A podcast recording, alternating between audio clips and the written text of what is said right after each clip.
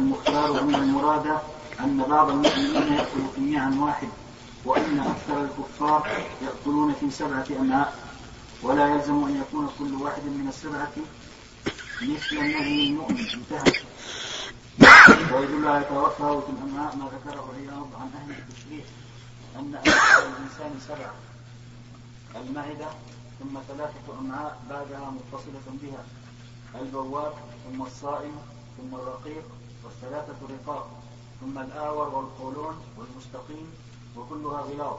فيكون المعنى أن الكافر لكونه يأكل بشراهة لا يشبعه إلا ملء أمائه السبع والمؤمن يشبعه ملء معي معا واحد. ونقل الكرماني عن الأطباء في تسمية الأمعاء السبعة أنها المعدة ثم ثلاثة متصلة بها وهي الاثنى عشر الاثنى عشر والصائم والقولون ثم ثلاثة غلاظ وهي الفانفي بنون وفاءين أو قافين والمستقيم والأعرض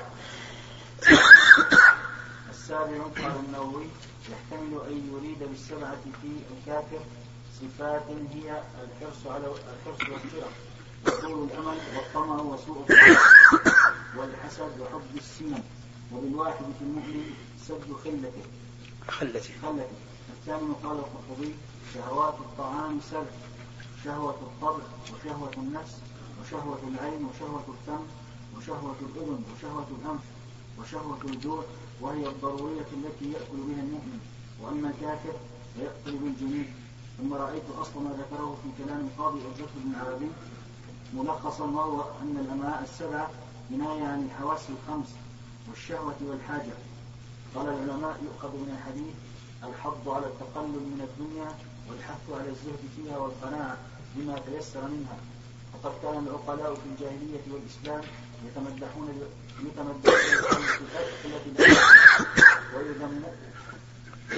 يتمدحون ويذمون كثرة الأكل كما تقدم في حديث أم زرع أنها قالت في نار زرع. أم زرع. أنها قالت في نار المدح لابن أبي زرع. ويشبعه ذراع الجفرة. وقال حاتم الطائي فإنك إن أعطيت بطنه بطنك سؤله وفرجك ما لا منتهى الدم أجمعا.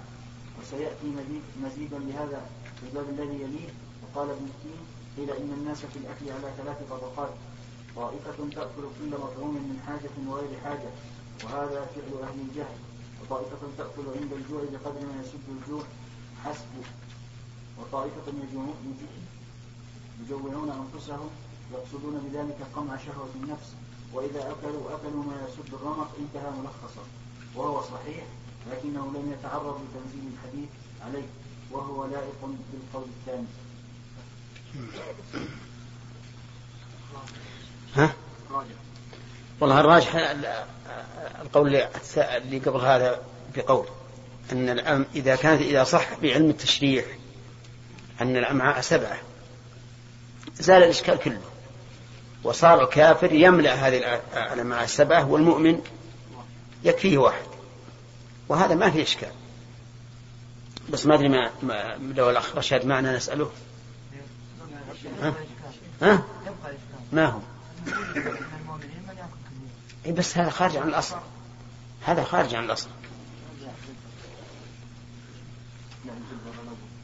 اي نعم. لا ما هو بالظاهر. ظاهر العموم. نعم. كيف؟ اي نعم نعم. اي نعم نعم. يعني الغالب يعني معناه هذا غالب الشيء وليس هو كل الشيء. ها؟ ما نقول لأن, لأن إذا صار عندنا شيء يحمله على الحقيقة لأن كل الأقوال هذه معناها التكفير. إن الكافر يكثر والمؤمن يقلل لكن ما يذكرون حقيقة العدد.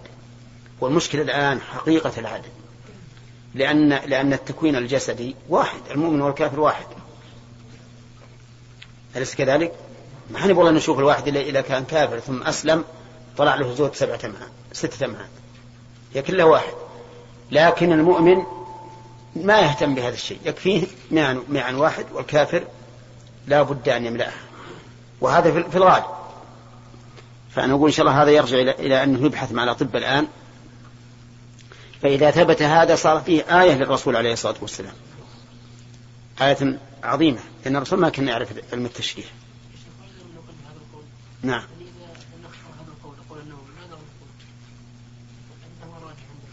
ما أستطيع. ما اذا اذا إذا لم يستقم هذا فهو احسن أحسن شيء أنه قال إن المقصود بالعدد الكثرة. إن الكافر يكثر والمؤمن يقلل. نعم. باب باب الاكل متكئا. قال البخاري رحمه الله باب الاكل متكئا. حدثنا أبو نعيم قال حدثنا مسعر عن علي بن الأقمر. قال سمعت أبا حيفه يقول قال رسول الله صلى الله عليه وسلم إني لا اكل متكئا. حدثني عثمان بن أبي شيبة قال أخبرنا جرير عن منصور عن علي بن الاقمر عن أبي جحيفة قال كنت عند النبي صلى الله عليه وسلم فقال لرجل عنده لا آكل وأنا متكئ. نعم. الاتكاء هو الاعتماد على الشيء. الاتكاء هو الاعتماد على الشيء. الاتكاء تارة يكون على اليمين وتارة يكون على اليسار وتارة يكون على الظهر. وإنما قال رسول الله يكون متكئا لأن الغالب أن الذي يكون متكئا يكون مستريحا معتمدا ويكثر من الأكل. على أنه ربما يكون أحيانا معه كبرياء وغطرسة ولم يهتم بهذه النعمة ولم يقابلها بما ينبغي أن تقابل به. كما لو أهدى إليك إنسان هدية وأنت كان هكذا ومديت يدك. معناها إيش؟ أن كبرياء وأنا ما هم مثل الهدية هذه اللي أعطيتني وليست عندي بشيء. فيكون فيه مراعاة معنى المعنى الأول أن الاتكاء يكون فيه الانبساط والراحة فيؤدي ذلك إلى كثرة الأكل. الثاني أنه قد يكون ناشئا عن كبرياء وخيل وعدم مبالاة بهذه النعمة فيكون هذا أكل المتكبرين. ولكن الاتكاء كما قلت على اليمين أو اليسار أو الظهر. وأما كيفية الجلسة فقد ذكر ابن القيم رحمه الله أن التربع من الاتكاء أن التربع من الاتكاء يعني مثل هذا التي كجلستي وجلسة أكثركم. ولكن الفقهاء أبوا ذلك. وقالوا إن هذه الجلسة من الجلسات المطلوبة. وحقيقة أن الاتكاء في اللغة هو الاعتماد وهذا ليس اعتمادا هذا صحيح أنه جلسة تؤدي إلى إلى الطمأنينة وكثرة الأكل. ولهذا يقال إن الذي يأكل وهو على هذه الصفة يكبر بطنه. نعم؟ أي نعم لأنه يبقى البطن كما يقول المصريون متبحبح. نعم؟ ويمتلئ. فأما صار إذا كان مستوفزا يعني أشبه الاستيفاز مثل ما يفعله كثير من الناس الآن يجلس على الرجل اليسرى يفترشها وينصب الفخذ اليمنى. فهذا لا شك أنه فيه ضمور للبطن وفيه تقليل للأكل لا سيما إن كان رجله توجع شوي فهو ما يستطيع أن يطمئن كثيرا. إي نعم. ونود أن نسمع كلام الفتح في هذا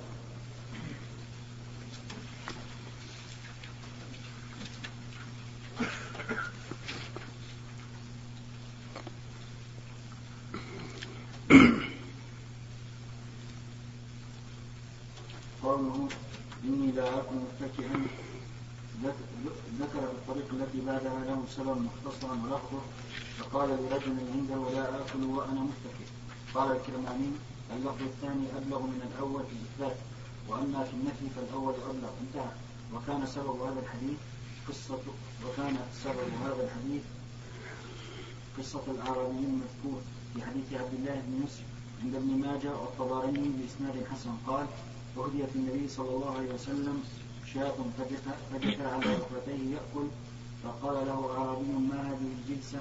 فقال إن الله جعلني عبدا كريما ولم يجعلني جبارا عنيدا. صلى الله عليه وسلم. قال ابن بطال إنما فعل النبي صلى الله عليه وسلم ذلك تواضعا لله. ثم ذكر من طريق أيوب عن الزهري قال أيوب أيوب الله عليه وسلم أتى النبي صلى الله عليه وسلم.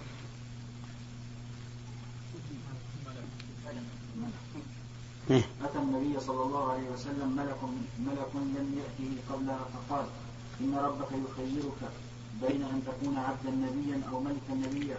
قال فنظر إلى جبريل كالمستشير له فأومى إليه أن تواضع فقال بل عبدا نبيا. قال فما أكل متكئا انتهى. وهذا مرسل أو معضل. ورسله النسائي من طريق الزبيدي عن الزهري عن محمد بن عبد الله بن عباس. قال كان ابن عباس يحدث فذكر نحوه وأخرج أبو داود من حديث عبد الله بن عمرو بن العاص. قال ما رؤي النبي صلى الله عليه وسلم يأكل متكئا قط؟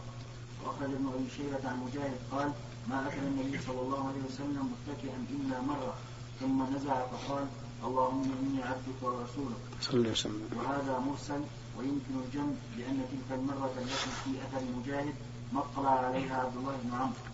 فقد أخرج ابن شاهين في ناسخه من مرسل عطاء بن يسار أن جبريل رأى النبي صلى الله عليه وسلم يأكل متكئا فنهاه.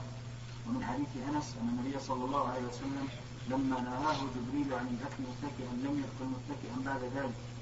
واختلف في صفة الاتكاء صفة الاتكاء فقيل إن أن يتمكن في الجلوس بالأكل على أي صفة كان. وقيل أن يميل على أحد شقيه وقيل أن يعتمد على يده اليسرى من الأرض. قال الخطابي تحسب العامة أن المتكئ هو الآكل على أحد الشقين وليس كذلك بل هو المعتمد على الوضع على الوقاء الذي تحته. قال ومعنى الحديث إني لا أقعد متكئا على الوقاء عند الأكل. فعل من يستكثر من الطعام. نعم. قال فإني لا أكل إلا البلغة من الزاد فلذلك أقعد مستوفزا. وفي حديث أنس أنه صلى الله عليه وسلم أكل تمرا وهو مقع وفي رواية وهو محتفز والمراد الجلوس على وركيه غير غير متمكن. وأخرج ابن عدي بسند ضعيف. زجر النبي صلى الله عليه وسلم أن يعتمد الرجل على يده اليسرى عند الأكل. قال مالك هو نوع من الاتكاء. قلت وفي هذا إشارة من مالك إلى كراهة إلى كراهة كل ما يعد للأكل كل كل ما يعد الآكل فيه ما يعد الآكل فيه متكئا قلت وفي هذا إشارة من مالك إلى كراهة كل ما يعد الآكل ما يعد الآكل فيه متكئا ولا يختص بصفة بعينها.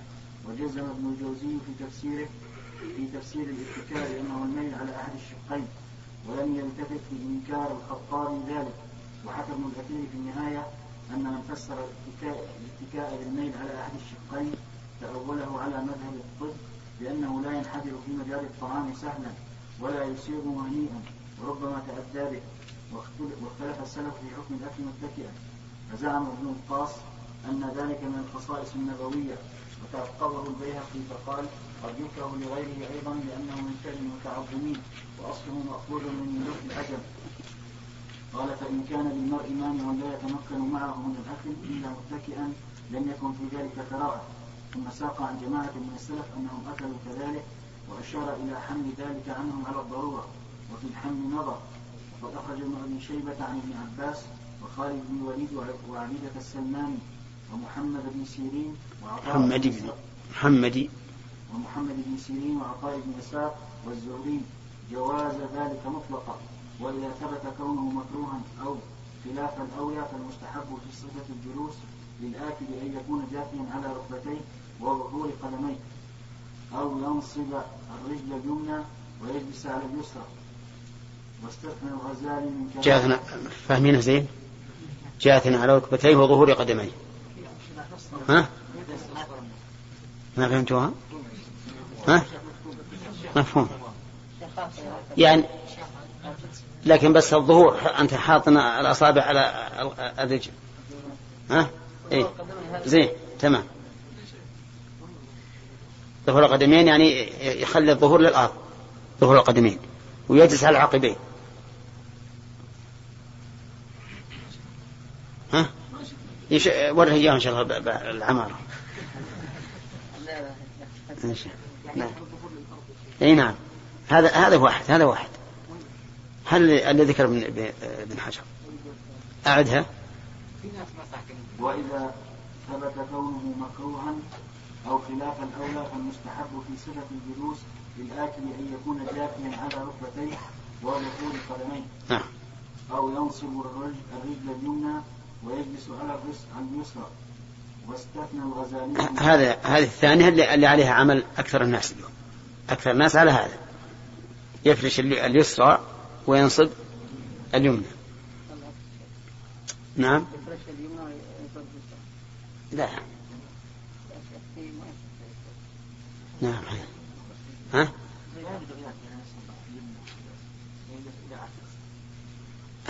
اليسرى مفروش لا عاد يمكن ما أدري والله انه اعصر حتى لا اعصر ياكل باليمين يا عبد الرحمن. ها؟ اي مثل الأخ. اي نعم. واستثنى الغزالي من كراهة الأكل مضطجعا أكل البقر. واختلف واختلف في علة الكراهة. ليش؟ أكل؟ البقل واستثنى إيش؟ واستثنى واستثنى الغزالي من كراهة الأكل مضطجعا أكل البقر مضطجعا ولا متكئا؟ وشلون انتقلها؟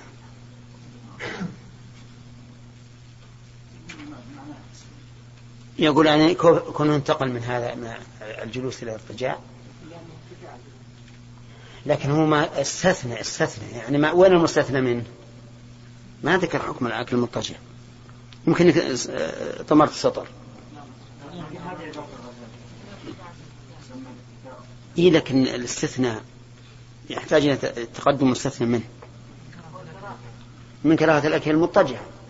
مضطجع. وش؟ وين ال... وين هي؟ اي طيب على كل حال. ما عندي البقل معروف البقل يعني مثل الكرات والأشياء هذه اللي اللي نوع من الزروع توكل فجل. هذا هذا البقل نعم. لا لا. لا ها؟ يمكن أو من العادة يعني. يمكن هذه عادة نعم. واختلف في علة القراءة وأقوى ما ورد في ذلك ما أخرجه ابن أبي شيبة من طريق إبراهيم النخعي قال كانوا يكرهون أن يأكلوا اتكاءة مخافة أن تعظم بطونهم وإلى ذلك يشير بقية وإلى ذلك يشير بقية ما ورد فيه من الأخلاق فهو المعتمد ووجه الكراهة فيه ظاهر وكذلك ما أشار إليه ابن الأثير من جهة الطب والله أعلم. نعم. إيش؟ من باب الكبرياء؟ كيف ما؟ يختص بالأكل.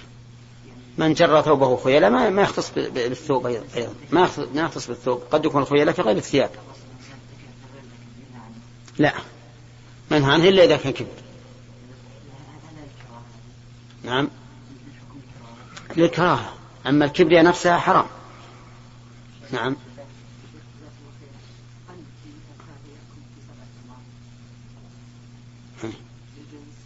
نعم. للجنس إي نعم. نعم. هذا خارج عن الغالب. خارج مخرج الغالب. نعم. ورد النبي صلى الله عليه وسلم قال لا تأكلوا الكفر أن يقول لأبي ذر الضرب يعني وحسنها يعني ورد آثار كثيرة فهذه يعني تفيد يعني الوجوب وقلنا لا تأكلوا الكفر نعم. ما علمنا أحدا قال بالتحريم. أبدا إما بالكراهة ولا خلاف الأولى فقط. نعم. ثلاثة. يلا. باب الشواء وقول الله تعالى فجاء بعجل حنيف أي مشوي حدثنا علي بن عبد الله قال حدثنا هشام بن يوسف قال أخبرنا معمر عن الزهري عن أبي أمامة بن سهل عن ابن عباس عن خالد بن الوليد قال أتي النبي صلى الله عليه وسلم بضب المشوي فأهوى إليه ليأكل فقيل له إنه ضرب فأمسك يده. فقال خالد أحرام هو؟ قال لا ولكنه لا يكون بأرض قوم. فأجدني أعافه فأكل خالد ورسول الله صلى الله عليه وسلم ينظر. قال مالك عن ابن شهاب بضب محمود. تقدم هذا. باب الخزيرة. قال النضر الخزيرة من النخالة. والحريرة من اللبن. يعني نوعان من من الطعام والمأكولات تسمى إحداهما الخزيرة بالزاي والثانية الحريرة. الخزيرة من النخالة نخالة من نخالة الشعير ينخل ويصنع من هذا هذا الطعام. وهذه من من اللبن. لا نعرف كيف يصنعونها حدثني يحيى بن بكير قال حدثنا الليث عن عقيل عن ابن شهاب قال أخبرني محمود بن الربيع الأنصاري أن عتبان بن مالك وكان من أصحاب النبي صلى الله عليه وسلم ممن شهد بدرا من الأنصار أنه أتى رسول الله صلى الله عليه وسلم فقال يا رسول الله إني أنكرت بصري وأنا أصلي لقومي فإذا كانت الأمطار سال الوادي الذي بيني وبينهم لم أستطع أن آتي مسجدهم. فأصلي لهم فوجدت يا رسول الله أنك تأتي فتصلي في بيتي فاتخذه مصلى. فقال سأفعل إن شاء الله. قال عثمان فغدا علي رسول الله صلى الله عليه وسلم وأبو بكر حين ارتفع النهار. فاستأذن النبي صلى الله عليه وسلم فأذنت له فلم يجلس حتى دخل البيت. ثم قال لي أين تحب أن أصلي من بيتك؟ فأشرت إلى ناحية من البيت. فقام النبي صلى الله عليه وسلم فكبر فصففنا فصلى ركعتين ثم سلم وحبسناه على خزير صنعناه فثاب في البيت رجال من أهل الدار ذو عدد فاجتمعوا فقال قائل منهم أين مالك من تخشب فقال بعضهم ذلك منافق لا يحب الله ورسوله. قال النبي صلى الله عليه وسلم لا تقل ألا تراه. قال لا إله إلا الله. يريد بذلك وجه الله.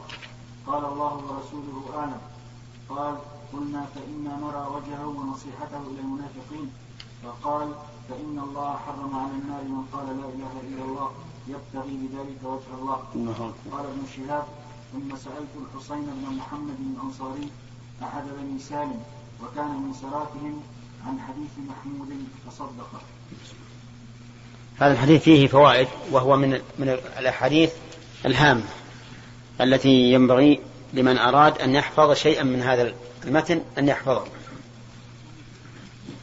لأن فيه فوائد منها إجابة النبي صلى الله عليه وسلم الدعوة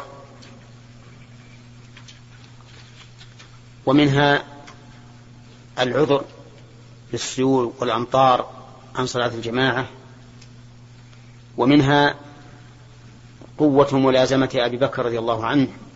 لرسول الله صلى الله عليه وسلم ومنها أنه ينبغي الإنسان إذا وعد بشيء مستقبل أن يقول إن شاء الله لقوله تعالى ولا تقول لشيء إني فاعل ذلك غدا إلا أن يشاء الله وهنا قال الرسول صلى الله عليه وسلم سأفعل إن شاء الله ومنها أنه مشروعية الاستئذان وإن كان الإنسان كبيرا وزعيما لقول فاستأذن رسول الله صلى الله عليه وسلم ومنها نعم مشروعية الاستئذان وإن كان الإنسان مدعوا إلا إذا دعي في وقت معين وجاء في ذلك الوقت ووجد أن الباب مفتوح مفتوح فهذا ربما يقال إن هذا قرينة على الإذن له.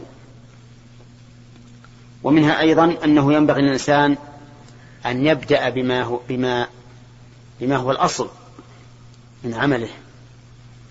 وبما هو المقصود.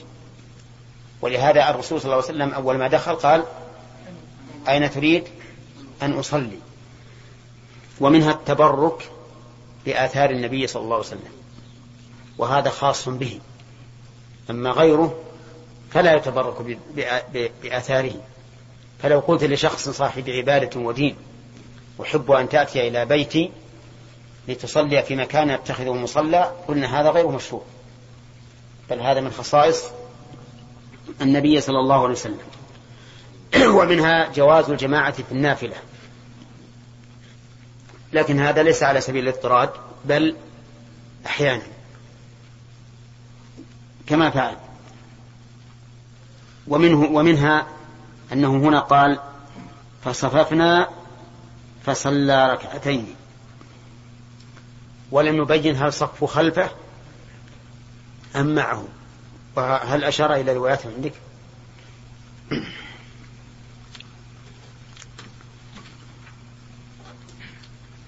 يا شيخ. خلنا الأخ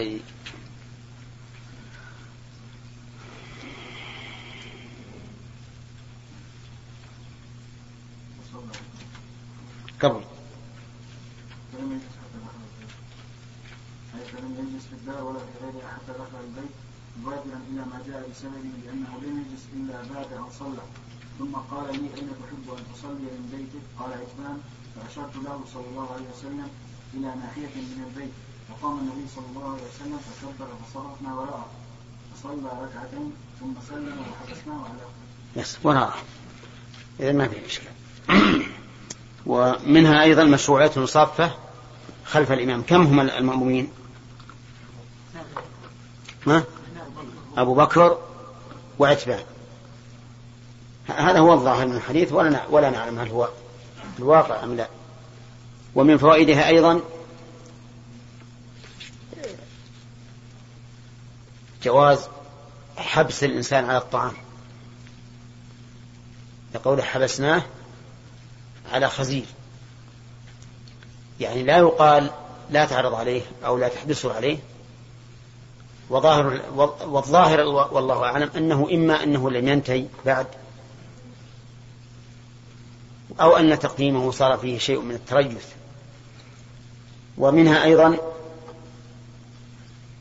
أنه لا يجوز لأحد أن يتهم غيره لأن الرسول عليه الصلاة والسلام لما سأل عن هذا الرجل قال بعضهم ذلك منافق. فقال لا تقل وقال ألا تراه؟ قال لا إله إلا الله يبتغي بذلك وجه الله. قال لا الله أعلم. والله أعلم. ثم قال الرسول عليه الصلاة والسلام آه نعم. فإن الله حرم على النار من قال لا إله إلا الله يبتغي بذلك وجه الله. طيب ومنها أيضا محبة الصحابة لرسول الله صلى الله عليه وسلم. لأنهم إيش؟ اجتمعوا إليه. لما علموا بمجيء العتبان اجتمعوا إليه ولهذا قال ثاب رجال من أهل الدار. طيب ومنها ومنها أن من والى المنافقين فإنه يخشى عليه من النفاق. لأن هذا الرجل لما كان مواليا للمنافقين.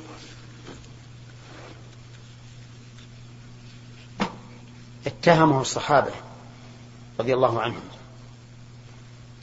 ومنها أن النصوص نصوص الوعيد قد تأتي مطلقة أحيانا. فتقيد بنصوص الوعيد. أقول إن نصوص الوعد تأتي مطلقة أحيانا فتقيد بنصوص الوعيد. كما أن نصوص الوعيد تأتي مطلقة أحيانا وتقيد بنصوص الوعد بنص الوعد. هنا حرم على النار من قال لا إله إلا الله يبتغي بذلك وجه الله. لو أخذنا بظاهر الحديث لكان لا يعذب أحد قطعا وذنبه دون الشرك. لأن الله قال حرم على النار من قال لا إله إلا الله. مع أن من مع أن من المعاصي ما يستحق فاعله أن يدخل النار. ويغفر ما دون ذلك لمن يشاء. ولو كانت النار محرمة على ما دون الشرك لقال ويغفر ما دون ذلك لكل أحد. فيقال هنا هذا الحديث مطلق فيحمل على النصوص نصوص الوعيد المقيدة.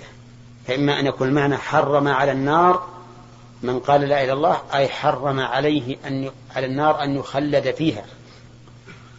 لا مجرد الدخول.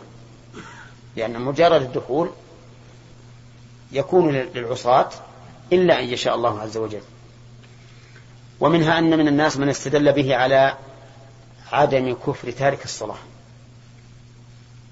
لعموم قوله حرم على النار من قال لا إله إلا الله يبتغي بذلك وجه الله. والجواب على هذا أن يقال هذا عام ونصوص كفر تارك الصلاة خاصة والخاص يقضي على العام. أو يقال إن هذا الحديث وصف القائل بوصف لا يمكن معه ترك الصلاة. وهو قوله يبتغي بذلك وجه الله. فإن من قال لا إله إلا الله يبتغي بها وجه الله لا يمكن أن يدع الصلاة وهو يعلم شأنها في الإسلام ويعلم أهميتها ويعلم أن الشارع أطلق الكفر على من تركها. كل إنسان يبتغي شيئا فلا بد أن يطلبه. بل إن كلمة ابتغى بمعنى طلب. فمعنى فلازم ذلك إذا كان يقول لا إله إلا الله يطلب بذلك وجه الله لازم ذلك أن يقوم بالصلاة. بل لو قلنا وبغيرها من أركان الإسلام لكان له وجه. لأن أركان الإسلام هي أصوله العظام ولهذا سميت أركانا كما قال الرسول عليه الصلاة والسلام في حديث ابن عمر بني الإسلام على خمس. ومعلوم أنك لو أتيت بخمسة أعمدة وبنيت عليه خيمة أو سقفا ثم أزلت واحدا منها كان ربما يسقط ربما يسقط. وعلى هذا فنقول هذا الحديث ليس فيه دلالة على أن تارك الصلاة لا يكفر لوجهين إما أن يقال إنهم إنهما من باب العام والخاص أو يقال إن هذا الحديث قيد القائل بصفة لا يمكن معها أن يدع الصلاة. وهو قوله يبتغي بذلك وجه الله. وفيه أيضا الإشارة إلى الإخلاص وأهميته. يبتغي بذلك وجه الله. فيجب علينا أن ننظر في في أعمالنا هل نحن حين نعمل العمل نلاحظ أننا نريد بذلك وجه الله عز وجل. والنيات تختلف أكثر من اختلاف الأعمال. الأعمال الظاهرة نعرف أنها مختلفة. فالإنسان الذي يصلي ويكثر الحركة أقل من الإنسان الذي لا يصلي الذي يصلي ولا يتحرك ولا يكثر الحركة. لا شك تتفاوت. لكن ما في القلوب أعظم تفاوتا أعظم بكثير. فتجد من الناس من يصلي لأنه مطالب بهذا لكن ما يشعر أنه يقصد شيئا وهو الوصول إلى كرامة الله عز وجل. ووجه الله سبحانه وتعالى. ونحن لو كنا نشعر هذا ما كنت أظن أن يتسلط الشيطان على الإنسان. إذا شعر إذا كان دائما يستشعر هذا أنه يريد وجه الله يريد وجه الله بكل حركاته فإن الشيطان سوف يبتعد عنه. وفيه أيضا إثبات الوجه لله عز وجل. يبتغي بذلك وجه الله وهو حق على حقيقته. لكن لا يمكن أن يكون مماثل لأوجه الخلق. لأن الله يقول ليس كمثله شيء وهو السميع البصير. وهكذا جميع آيات الصفات يجب علينا إثباتها كما هي. بدون بدون تمثيل. طيب وهل يجوز التكييف؟ ها؟ لا ما هو على كل حال. قد يقول كيفها على وجه لا يماثل المخلوق بحيث إني أقول إنه وجه عظيم جدا جدا ويكبر وص... نعم. ويقول أنا ما أقول مثل أوجه المخلوق. ما له مثيل لكن بحكي كيفية معينة له. نقول لا لا يجوز. إذا قلت ذلك إذا كيفت فقد قلت على الله ما لا ما لا تعلم. وقد قفوت ما ليس لك به علم. والله يقول قل إنما حرم ربي الفواحش ما ظهر منها وما بطن والإثم والبغي بغير الحق وأن تشركوا وأن تشركوا بالله ما لم ينزل به سلطانا وأن تقولوا على الله ما لا تعلمون. وقال ولا تقف ما ليس لك به علم. إن السمع والبصر والفؤاد كل أولئك كان عنه مسؤولا. فإن قال أليس قد ثبت في الحديث الصحيح أن النبي صلى الله عليه وسلم نهى أن يضرب على الوجه وقال إن الله خلق آدم على صورته. فالجواب بلى ثبت ذلك. لكن الجواب عنه من أحد وجهين. إما أن يقال إن الإضافة هنا إضافة تشريف. يعني على صورته أي على صورة التي اختارها وتعلقت بها عنايته. وما كان كذلك فلا ينبغي لأحد أن يتسلط عليه بالضرب لأن ذلك يخدشه يخدش الوجه ويغير. فيه نوع من الامتهان له فيكون إضافته هنا من باب إضافة التشريف والعناية. أو يقال هو على صورته ولكنه لا يلزم التماثل. فالمماثلة العامة ليست مماثلة خاصة. ولهذا نقول ما من موجودين إلا وهما مشتركان في أصل الوجود. ولازم من الاشتراك في الأصل التماثل والتساوي. ودليل ذلك أن الرسول أخبر بأن أول زمرة تدخل الجنة على صورة القمر ليلة البدر. وهل هي مماثلة مساوية للبدر من كل وجه؟ نعلم أنها ليست كذلك.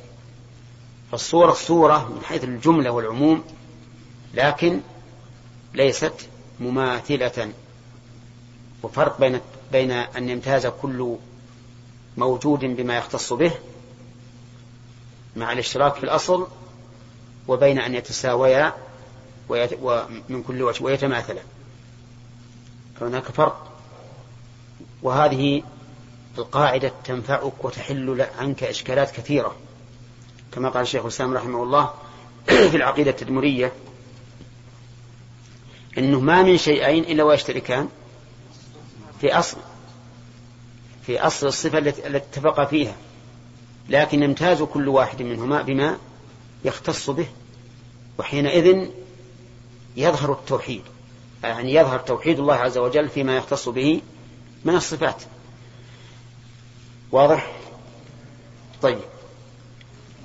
نعم. الحقيقة أني أنا أظلم الناس اللي وراها. الحين أنا بدي أخلي عيوني تروح بعيد. ها؟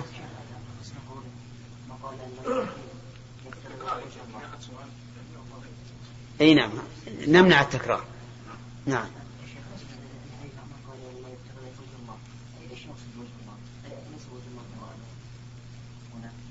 لا.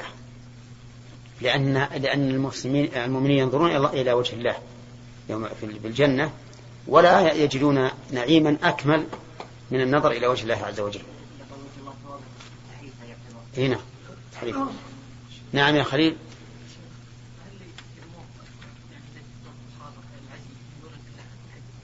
ها؟ أي لا. إذا أخبر هناك فرق بين أن يخبر وبين أن يخبر عن أنه سيفعل وبين أن يريد أن يفعل. يعني بمعنى إذا قلت سأفعل ذلك أخبر عن إرادتي. لا على أني سأوقعه فعلا. أما إذا كنت أريد أن أخبر بأني أوقعه فعلا فلا بد من أن أقول إن شاء الله. انتبهوا يا جماعة. هذه نقطة مهمة. يعني لو واحد عازم يقول أنا سأسافر غدا مثلا إلى إلى مكة. مجرد خبر. يحتاج أن يقول إن شاء الله. ما هو بلازم. لكن لو يخبر سأسافر غدا يعني إني سأفعل هذا. ما هو بنيتي أفعل. يعني أنه يريد أن يخبر بأنه سيقع منه السفر فعلا. فهذا لا بد أن أن يقول إن شاء الله. لأنه لا يملك هذا الشيء. تتغير الأمور. أما إخبار عن عزيمته التي في قلبه بأنه سيسافر غدا إلى مكة هذا ما في ما في شيء. لأنه إخبار عن شيء واقع يحدث به عن نفسه الآن. إيش؟ لا لا هذه ما في إشكال. العزم ما في إشكال. الإشكال إذا قال ذلك تكلم. نعم آخر واحد.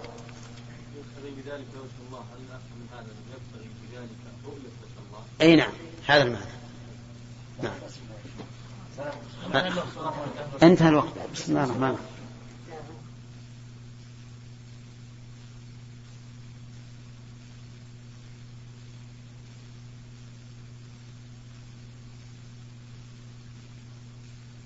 الله تعالى.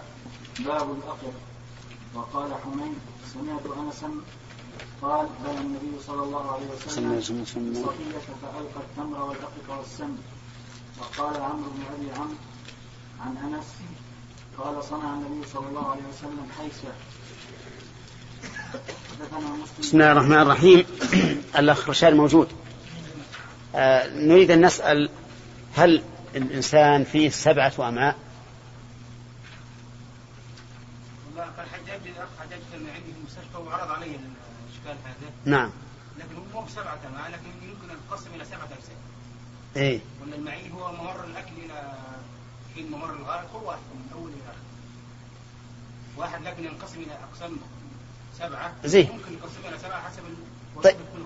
اي هو على كل حال في, في الفتح قسمها سبعة أقسام في بس أنا مع الاخ خالد نظرت الحين فوجدت ان في التسميه يمكن شوية اختلافات بس اي هينا الحاجة القديم تغير في الاختلافات المهم إذا كان الأمر كما قال كما أيد الشيخ الأخ رشاد إذا يكون هذا أحسن ما يكون في الحديث. والمعنى أن أن الكافر يملأ بطنه المشتمل على هذه السبعة. الو- الوظائف تكون الوظائف هذه.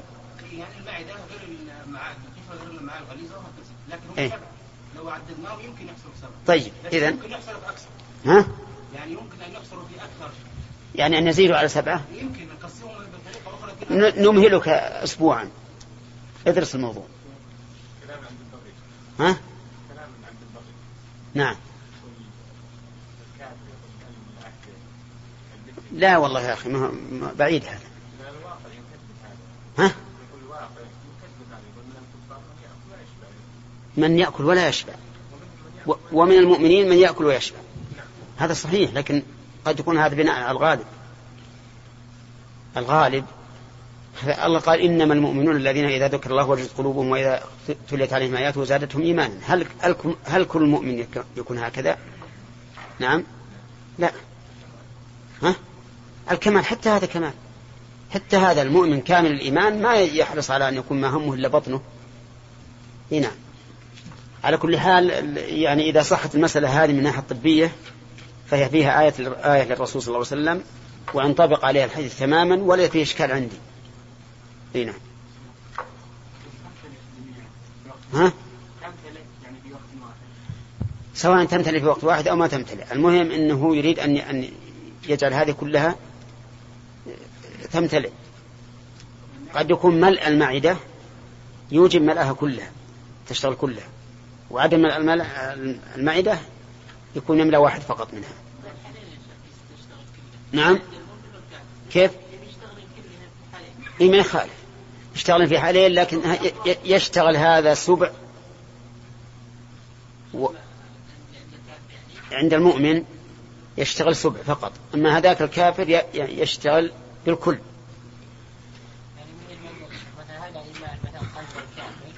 قلب المؤمن قلب الكافر يعني كل يدقان بس إن هذا من يعمل على كل حال الآن أعطيك أسبوع. على أي شيء؟ واضح الأمر واضح أنا أقول لك يعني ممكن يأتي واحد آخر ويقسم. لأنك أنت الآن أنت ذكرت الآن يمكن أن تزيد. ما تزيد يعني في العدد.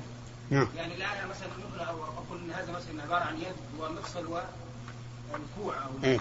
المرفق أقصد. نعم. ممكن أقول لها يد واحد نعم. هكذا القصد يعني ممكن واحد يقسمها وهي نفس الجزء يعني لا تحتمل أكثر من تقسيم لكن هي بال... بال... يعني الواضح ان هي سبعة فعلا يعني.